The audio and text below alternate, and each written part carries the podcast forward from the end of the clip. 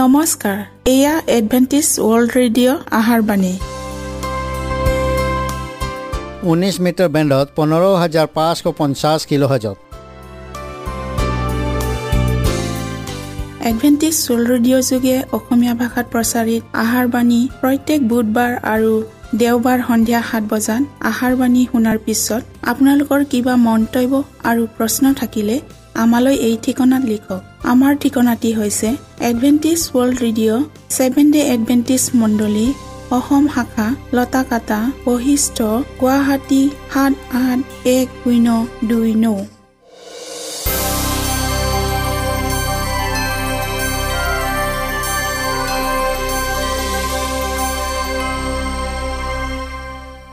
প্ৰিয় শ্ৰোতা বন্ধুসকল এতিয়া শুনো আহক এটি খ্ৰীষ্টীয় ধৰ্মীয় গীত।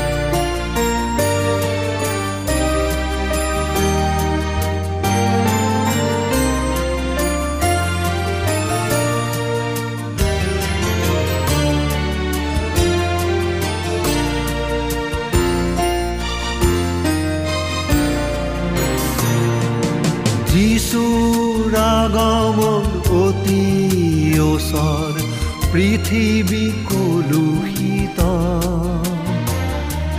যিচুৰ আগমন অতি ওচৰ পৃথিৱী কলুষিত। পাপৰ বোজাত ক্লান্ত আমি চাপি আহা যিচুলৈ পাপৰ বোজাত ক্লান্ত আমি চাপি আহা যিচুলৈ যিচুৰ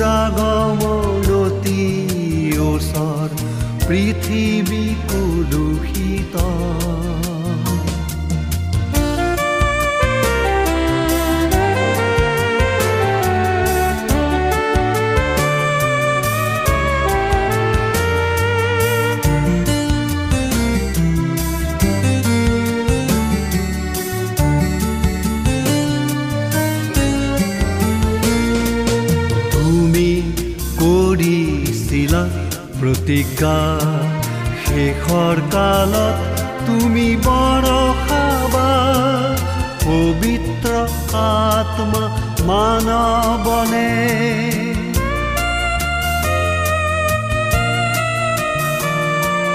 তুমি কৰিছিলা প্ৰতিজ্ঞা শেষৰ কালত তুমি বৰষাবা পবিত্ৰ আত্মা মানৱলে প্ৰভুৰে আগমন।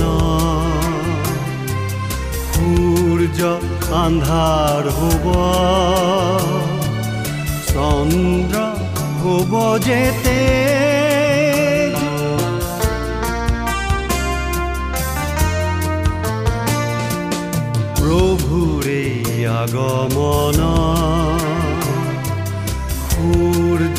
আন্ধাৰ হ'ব চন্দ্ৰ হ'ব যেতে যিচু আগমন অতি ওচৰ পৃথিৱী কলুষিত।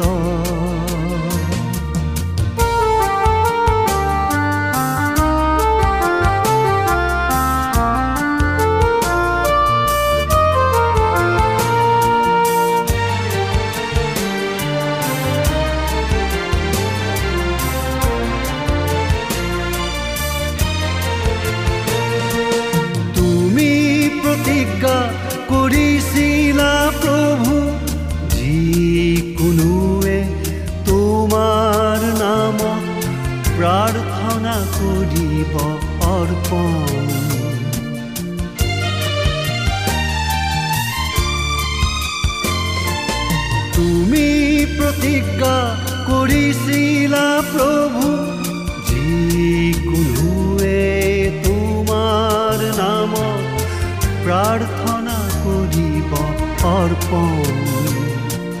পৰিত্ৰাণ পাব সেইজনে। পৰিত্ৰাণ পাব সেইজনে। যিচুৰ আগমন অতি পৃথিৱী কুদূষিত পাপৰ বোজাত ক্লান্ত আমি চাপিয়া যিচুলৈ যিচুৰ আগমনতি ওচৰ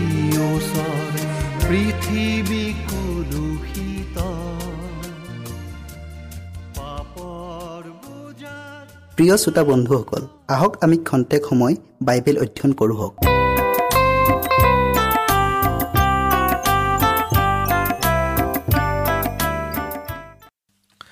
প্ৰিয় শ্ৰোতাসকল ধৰ্মধাম কি?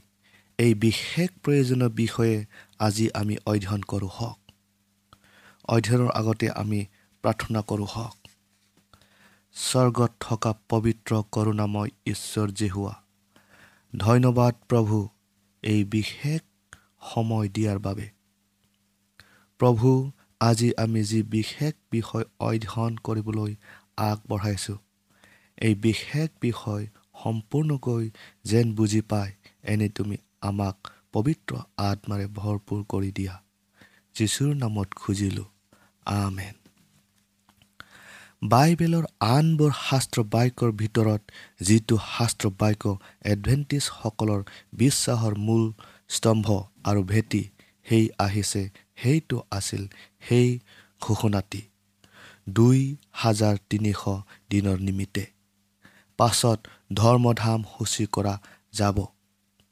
দানিয়েল আঠ অধ্যায়ৰ চৈধ্য পদটো আপোনালোকে চাওক।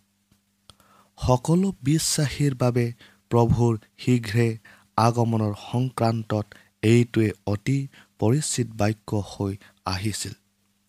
হাজাৰ হাজাৰ মানুহৰ ওঠত তেওঁবিলাকৰ বিশ্বাসৰ মূল মন্ত্ৰ হিচাপে এই বাক্যটি বাৰে বাৰে উপস্থিত হৈ আহিছিল। তেওঁবিলাক সকলোৱে অনুভৱ কৰিছিল যে তেওঁবিলাকৰ উজ্জ্বল ভৱিষ্যত আৰু গভীৰ আশা আকাংক্ষা সকলোবোৰ ভৱিষ্যবাণী কৰি থোৱা এই ঘটনাটোৰ ওপৰতে নিৰ্ভৰ কৰিছে। এই ভাৱবাণীৰ দিনবোৰ ওঠৰশ চৌৱাল্লিছ চনৰ শৰৎকালৰ অন্ত পৰিব বুলি দেখুৱাই অহা হৈছিল। বাকী খ্ৰীষ্টান জগতৰ লগতে এডভান্টিছসকলেও সাধাৰণভাৱে এইটো ধাৰণা কৰি লৈছিল যে এই জগতখনেই অথবা ইয়াৰ কোনোবা এটা অংশই ধৰ্মধাম হ'ব লাগিব বুলি। তেওঁবিলাকে এইটোকে বুজি লৈছিল যে সেই মহান দিনটোত যেতিয়া অগ্নিৰ দ্বাৰাই পৃথিৱীখনক সূচী কৰা হ'ব তেতিয়াই ধৰ্মধামটোকো সূচী কৰা কাৰ্য সম্পাদিত হ'ব আৰু ই দ্বিতীয় আগমনৰ সময়তে হ'ব। গতিকে এইটো সিদ্ধান্ত কৰা হৈছিল যে ওঠৰশ চৌৱাল্লিছ চনতে পৃথিৱীৰ কৃষ্টৰ পুনৰাগমন হ'ব। কিন্তু সেই নিৰ্ধাৰিত সময় পাৰ হৈ গৈছিল আৰু প্ৰভুৰ পুনৰাগমন হোৱা নাছিল। বিশ্বাসীসকলে জানিছিল যে ঈশ্বৰৰ বাক্য কেতিয়াও অথলে নাযায়। ভাৱবাণীৰ বাক্য ব্যাখ্যা কৰোঁতে তেওঁবিলাকৰ ক'ৰবাত নিশ্চয় ভুল থাকি গ'ল কিন্তু ভুলটো ক'ত হৈছিল? এনে কঠিন অৱস্থাত পৰি অনেকে আগ পিছ নভৱাকৈ দুই হাজাৰ তিনিশ দিনৰ সময়খিনি ওঠৰশ চৌৱাল্লিছ চনত অন্ত পৰাৰ কথাটোক অস্বীকাৰ কৰিছিল। যি সময়ত কৃষ্ট আহিব বুলি তেওঁবিলাকে আকাংক্ষা কৰিছিল সেই সময়ত কৃষ্ট কিয় নাহিল তাৰ উপযুক্ত কোনো কাৰণ তেওঁবিলাকে দিব পৰা নাছিল। তেওঁবিলাকে যুক্তি দৰ্শাইছিল যে যদি ভাৱবাণীৰ সময় ওঠৰশ চৌৱাল্লিছ চনতে অন্ত পৰিল তেন্তে অগ্নিৰ দ্বাৰাই পৃথিৱীখন সূচী কৰাৰ যোগেদি ধৰ্মধাম সূচী কৰিবলৈ কৃষ্টৰ পুনৰাগমন এইখিনি সময়তে হ'ব লাগিছিল। আৰু এতিয়া যিহেতু তেওঁ নাহিল গতিকে সেই সময়খিনিও অন্ত পৰা নাই। প্ৰিয় শ্ৰোতাসকল এই যুক্তিটোক মানি ল'বলৈ হ'লে পূৰ্বতে নিৰ্ধাৰণ কৰা ভাৱবাণীৰ সময়খিনিত পৰিত্যাগ কৰিব লাগিছিল। যেতিয়া অৰ্থক্ষেত্ৰ ৰজাই জেৰুচালেম মন্দিৰ পুনৰুদ্ধাৰ আৰু নিৰ্মাণৰ বাবে কাৰ্যকৰী হোৱাকৈ খ্ৰীষ্টপূৰ্ব চাৰিশ সাতাৱন্ন চনত শৰৎকালত এখন জৰুৰী অধ্যাদেশ জাৰি কৰিছিল। ঠিক সেইটো তাৰিখতে দুই হাজাৰ তিনিশ দিনৰ ভাৱবাণীৰ সময় আৰম্ভ হৈছিল বুলি টাৱৰ কৰা হৈছিল। ইয়াক আৰম্ভণিৰ বিন্দু হিচাপে ধৰিলে দানিয়েল নৌ অধ্যায় পঁচিছৰ পৰা সাতাইছ পদৰ ভিতৰত যিবোৰ হ'বলগীয়া ঘটনাৰ বিষয়ে ভৱিষ্যবাণী কৰি থোৱা আছিল সেইবোৰৰ লগত সম্পূৰ্ণ সংগতি থকা দেখা পোৱা গৈছিল। ঊনসত্তৰ সপ্তাহ অৰ্থাৎ দুই হাজাৰ তিনিশ দিনৰ প্ৰথম চাৰিশ তেৰাশী দিন। এইখিনি সময় মচিহ অৰ্থাৎ অভিষিক্ত জনালৈ আহি পাবলগীয়া আছিল। আৰু খ্ৰীষ্টৰ বাপ্তিস্ম আৰু পবিত্ৰ আত্মাৰ দ্বাৰাই অভিষেক কৰা কাৰ্য সাতাইছ খ্ৰীষ্টাব্দত সম্পাদিত হোৱা কাৰ্যই সেই ভাৱবাণীটোক আখৰে আখৰে সিদ্ধ হোৱাটোক দেখুৱাইছিল। সত্তৰ সপ্তাহৰ মাজভাগত মচিহজনাক উচ্ছন্ন কৰিবলগীয়া আছিল। যীশু খ্ৰীষ্টৰ বাপ্তিস্মৰ চাৰে তিনি বছৰৰ পিছত খ্ৰীষ্টক ক্ৰুচত দিয়া হৈছিল। এই সময় আছিল একত্ৰিছ খ্ৰীষ্টাব্দৰ বসন্তকাল। সত্তৰ সপ্তাহ নাইবা চাৰিশ নব্বৈ বছৰ বিশেষভাৱে যিহুদীসকলৰ বাবে আছিল।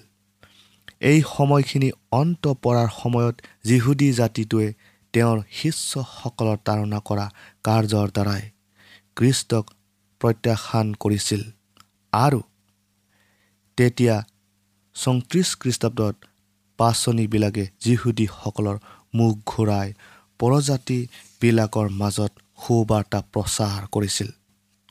গতিকে দুই হাজাৰ তিনিশ বছৰৰ পৰা চাৰিশ নব্বৈ বছৰ অন্ত পৰাৰ পাছত ওঠৰশ দহ বছৰ ৰৈ গৈছিল। চৌত্ৰিছ খ্ৰীষ্টাব্দৰ পৰা ওঠৰশ দহ বছৰ গণনা কৰিলে ই আহি ওঠৰশ চৌৱাল্লিছ চন পায়হি তেতিয়া স্বৰ্গদূতে কৈছিল ধৰ্মধাম সূচী কৰা হ'ব। ভাৱবাণীত উল্লেখ কৰা হ'বলগীয়া সকলোবোৰ ঘটনা নিৰ্দিষ্ট সময়ত নিঃসন্দেহে আখৰে আখৰে ফলিয়াইছিল এই সময় গণনা কৰা কাৰ্যত সকলোবোৰ স্পষ্ট আৰু সংগতিপূৰ্ণ আছিল। এটাই মাথোন বিসংগতি ৰৈ গৈছিল। ধৰ্মধাম সূচী কৰাৰ ক্ষেত্ৰত উত্তৰ দিবলৈ ওঠৰশ চৌৱাল্লিছ চনত কোনো এটা ঘটনা ঘটা পৰিলক্ষিত হোৱা নাছিল। ভাৱবাণীৰ সময়খিনি এই সময়টোতে অৰ্থাৎ ওঠৰশ চৌৱাল্লিছ চনত অন্ত পৰাৰ কথাটোক অস্বীকাৰ কৰাহেঁতেন তেন্তে এই গোটেই বিষয়টোকে খেলি মেলি কৰি পেলোৱা গ'লহেঁতেন। আৰু ইয়াৰ অৰ্থ এইটো হ'লহেঁতেন তেওঁবিলাকে যি স্থিতিত অৱস্থান কৰিছিল আৰু যিটো স্থিতিক নিৰ্ভুলকৈ ভাৱবাণী সিদ্ধ হোৱা ঘটনাৰ দ্বাৰাই স্থাপন কৰা হৈছিল। তাক পৰিত্যাগ কৰা। শ্ৰোতাসকল কিন্তু ঈশ্বৰে তেওঁক লোকসমূহক দ্বিতীয় আগমনৰ এক মহান বিপ্লৱলৈ চলাই লৈ গৈছিল। এই মহান কাৰ্যত তেওঁৰ পৰাক্ৰম আৰু মহিমাও লগতে আছিল। আৰু এই কাৰ্যক ভণ্ডামী আৰু ধৰ্মোৎমাত বুলি ইটিকিং আৰু হাঁহিয়াতৰ পাত্ৰ কৰিবলৈ তেওঁৰ ইয়াক অন্ধকাৰ আৰু নিৰাশ্যতাৰ মাজত পৰি থাকিবলৈ এৰি দিয়া নাছিল। তেওঁ তেওঁৰ বাক্যক সন্দেহ আৰু অনিশ্চয়তাৰ কবলত এৰি দিব নোৱাৰে। যদিও অনেকে তেওঁবিলাকৰ পূৰ্বৰ ভাৱবাদীৰ সময় গণনা কৰাৰ সিদ্ধান্তটোক ত্যাগ কৰিছিল আৰু তাৰ ভিত্তিত গঢ়ি উঠা দ্বিতীয় আগমনৰ বিপ্লৱৰ শুদ্ধতাক অস্বীকাৰ কৰিছিল। তথাপিতো কিছুমানে সেই বিশ্বাস আৰু অভিজ্ঞতা ত্যাগ কৰিবলৈ অমান্তি হৈছিল। যি বিশ্বাস আৰু অভিজ্ঞতা পবিত্ৰ শাস্ত্ৰৰ বাক্যৰ দ্বাৰাই সমৰ্থন পাইছিল আৰু ঈশ্বৰৰ আত্মাৰ দ্বাৰাই শুদ্ধ বুলি স্বীকৃতি পাইছিল। তেওঁবিলাকে বিশ্বাস কৰিছিল যে তেওঁবিলাকে তেওঁবিলাকৰ ভাৱবাণীৰ অধ্যয়নত ভাৱবাণী অনুবাদ কৰাৰ এক সবল ধৰ্মমত উদ্ভাৱন কৰিলে আৰু ইতিমধ্যে তেওঁবিলাকে যি সত্যতা লাভ কৰিলে তাক দৃঢ়তাৰে ধৰি ৰখাটো তেওঁবিলাকৰ কৰ্তব্য আৰু তেওঁবিলাকৰ বাইবেল গৱেষণা আৰু কাৰ্যটোক অহৰহভাৱে বৰ্তাই ৰখাটো তেওঁবিলাকৰ দায়িত্ব। অতি গভীৰ আন্তৰিকতাপূৰ্ণ প্ৰাৰ্থনাৰে তেওঁবিলাকে নিজৰ স্থিতিক পুনৰ নিৰীক্ষণ কৰিছিল আৰু তেওঁবিলাকৰ ভুলটোক বিচাৰি উলিয়াবলৈ পুংখানুপুংখভাৱে বাইবেল অধ্যয়ন কৰিছিল। যেতিয়া তেওঁবিলাকে তেওঁবিলাকৰ ভাৱবাণীৰ সময় গণনা কৰা পদ্ধতিত কোনো ভুল দেখা নাছিল।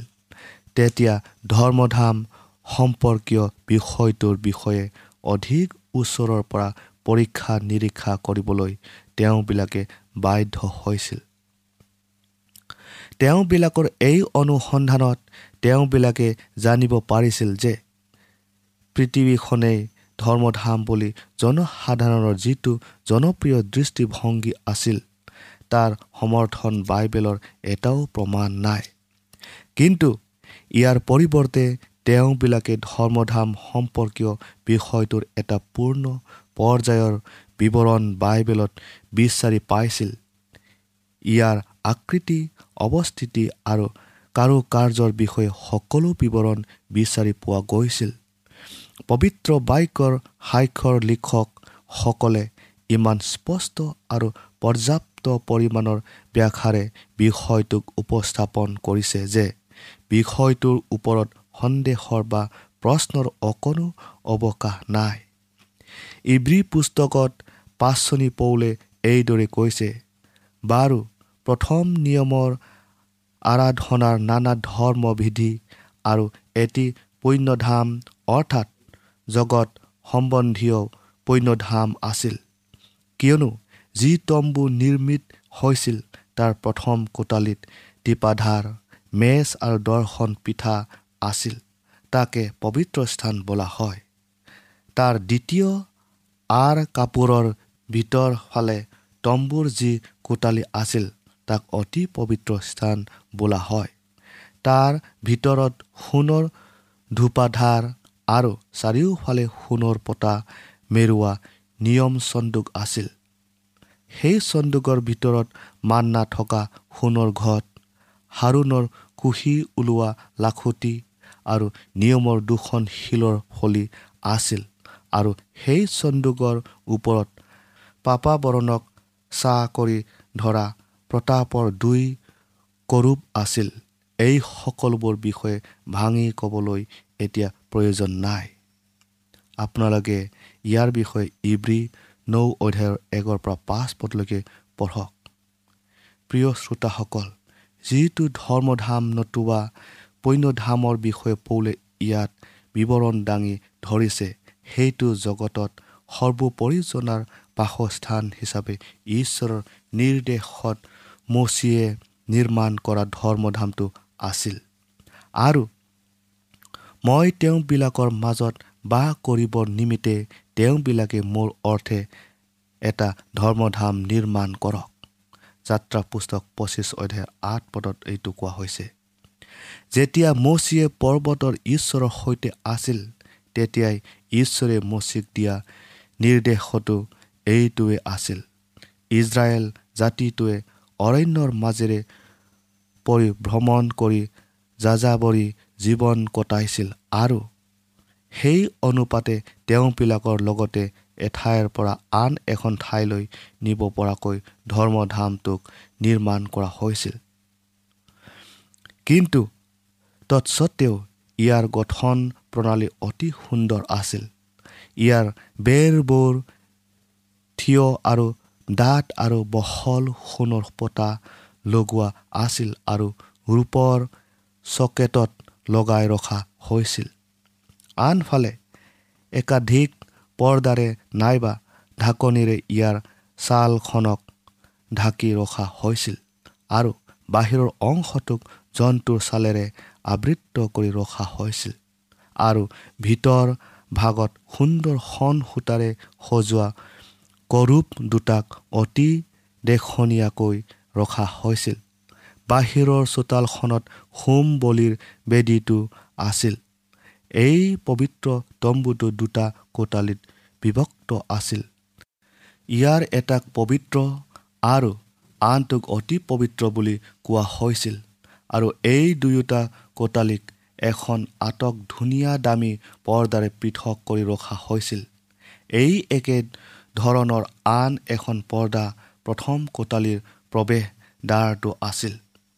প্ৰিয় শ্ৰোতাসকল পবিত্ৰ কোটালিটোৰ দক্ষিণ ফালে দীপাধাৰ আৰু ধৰ্মধামটোত ৰাতিয়ে দিনে পোহৰ দিবলৈ তাত সাতোটা দ্বীপ বা প্ৰদীপ আছিল।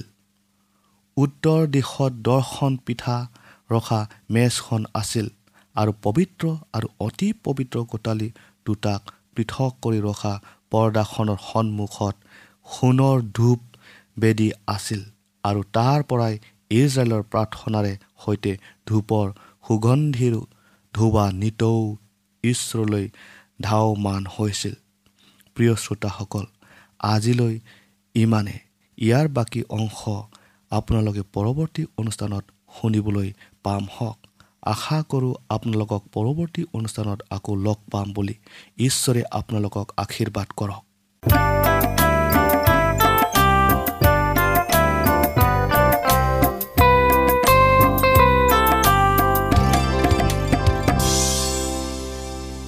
ইমানপৰে আমি বাইবেল অধ্যয়ন কৰিলোঁ। এতিয়া আকৌ শুনো আহক এটি খ্ৰীষ্টীয় ধৰ্মীয় গীত।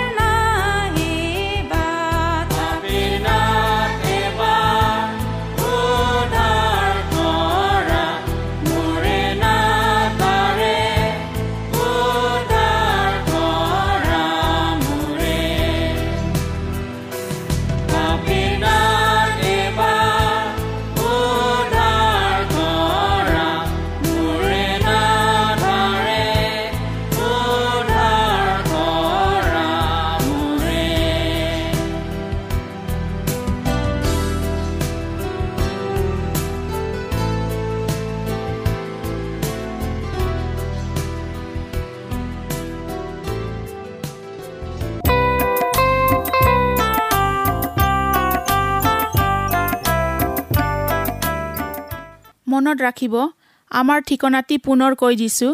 Adventist world radio' Assam region of seven day Adventist voice of hope Latakata Basistha Guwahati seven eight one zero' two nine প্ৰিয় শ্ৰোতা বন্ধুসকল এডভেণ্টিজ ৱৰ্ল্ড ৰেডিঅ' যোগে আহাৰবাণী প্ৰচাৰত আপোনালোকক পুনৰ লগ পোৱাৰ আহাৰে আজিলৈ সামৰিলোঁ। ধন্যবাদ।